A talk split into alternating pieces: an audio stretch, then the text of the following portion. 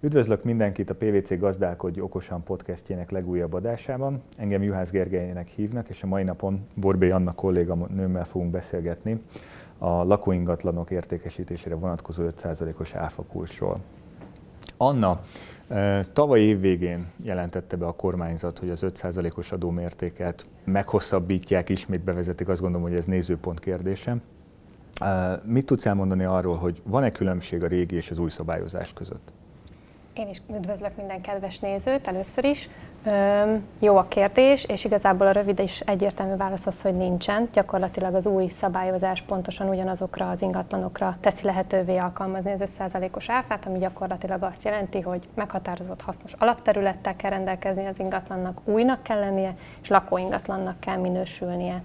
Gyakorlatilag ez a három fogalmi feltétel, illetve az átruházás módja fogja meghatározni azt, hogy az 5%-os áfa alkalmazható-e vagy sem. Azt, hogy mi minősül lakóingatlannak, az áfa törvény alapján úgy lehet meghatározni, hogy minden, ami a lakás rendeltetésszerű használatához szükséges, illetve az ingatlan maga akkor lesz lakóingatlan, hogyha az ingatlan nyilvántartásban ilyenként van feltüntetve, vagy ilyenként vár feltüntetésre. Gyakorlati példával élve, mert ugye ezt mindig esetenként kell vizsgálni, de, de azért az áfa törvény is ad egy kis iránymutatást, hogy mi az, ami biztos nem lesz szükséges, vagy nem minősül szükségesnek a lakás célú használathoz.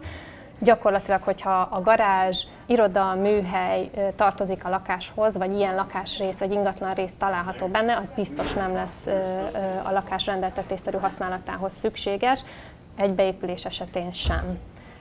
A második feltétel ugye az, hogy ez a lakás új ingatlannak minősüljön. Itt az ÁFA törvény egy két éves periódust határoz meg a használatba vételi engedély véglegessé válásától, amely időszak alatt fog az ingatlanunk újnak minősülni, illetve hogy a használatba vételi engedély kiadása előtti időszak is ide tartozik, tehát mondjuk egy félkész ingatlan, vagy egy befejezett, de még használatban nem vett ingatlan esetében is új ingatlanról fogunk beszélni. Itt azzal érdemes foglalkozni, hogyha egy ingatlan ö, időközben olyan funkciót vált, amely új használatba vételi engedély kiadásával jár, például átminősül irodából lakóingatlanná, akkor ez az új használatba vételi engedély ö, egy új, új életszakaszt ad ennek az ingatlannak. És a harmadik fontos feltétele az, az 5%-os áfa alkalmazásának az az, hogy meghatározott hasznos alapterülettel rendelkezzen. Itt felső limitek vannak, ugye több lakásos társasház esetén az adott lakóingatlan 150 négyzetméter hasznos alapterülettel rendelkezhet legfeljebb, egy lakásos lakóingatlan, tehát lakóháznál pedig ez 300 négyzetmétert jelent. Talán itt még, ami gyakorlati szempontból fontos és hasznos lehet a beruházók számára, hogy ugye ezek a lakóingatlanok, ezek az új lakóingatlanok sokszor csokkal érintettek, ugye a családi otthonteremtés kedvezménye, és, és ugye a két szabályrendszerben, mind a két szabályrendszerben megjelenik a hasznos alapterület fogalom, de nem ugyanaz a számítási módja. Úgyhogy erre érdemes tekintettel lenni, amikor, amikor építünk egy ilyen lakóingatlant. Értem, köszönöm. Ez valóban akkor azt mutatja, hogy nagyon nagy a hasonlóság, szinte ugye teljesen azonos, legalábbis a tartalmát illetően a két szabályozás. Milyen periódusra vonatkozik az új szabályozás? Mikor alkalmazható ismételten ez az 5%-os mérték?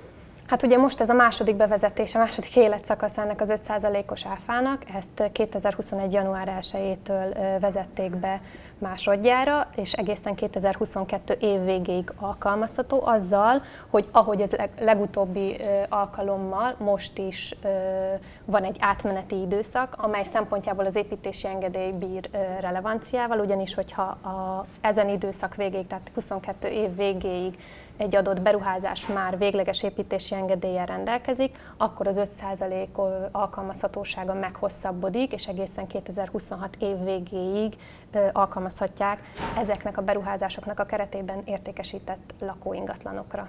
Értem.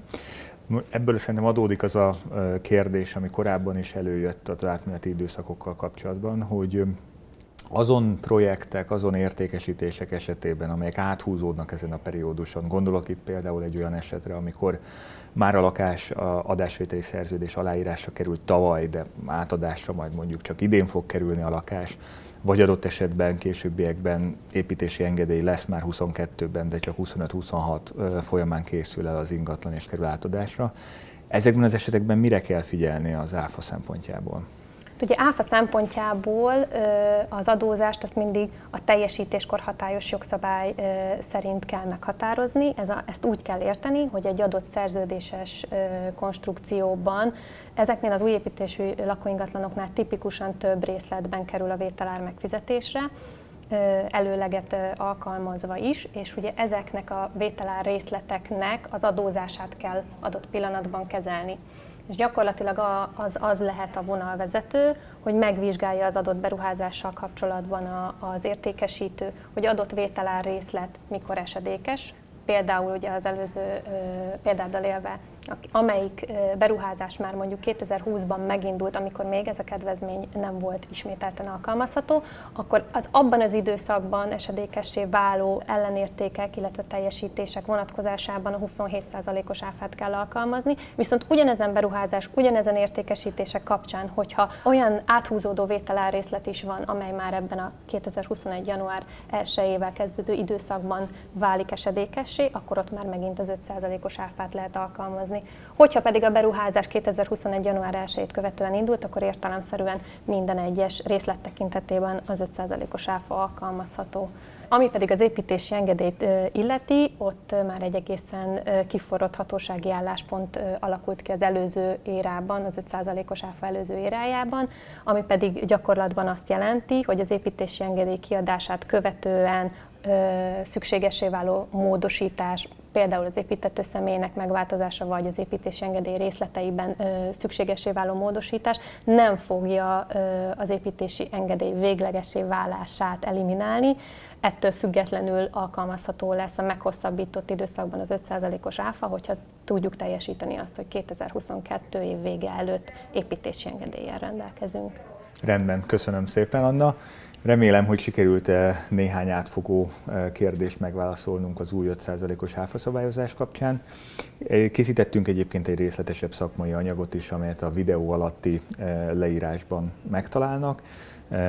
Reméljük hasznosnak fogják találni, és hát természetesen kérném Önöket arra, hogy kövessenek minket a szokásos csatornákon a továbbiakban is. Viszontlátásra!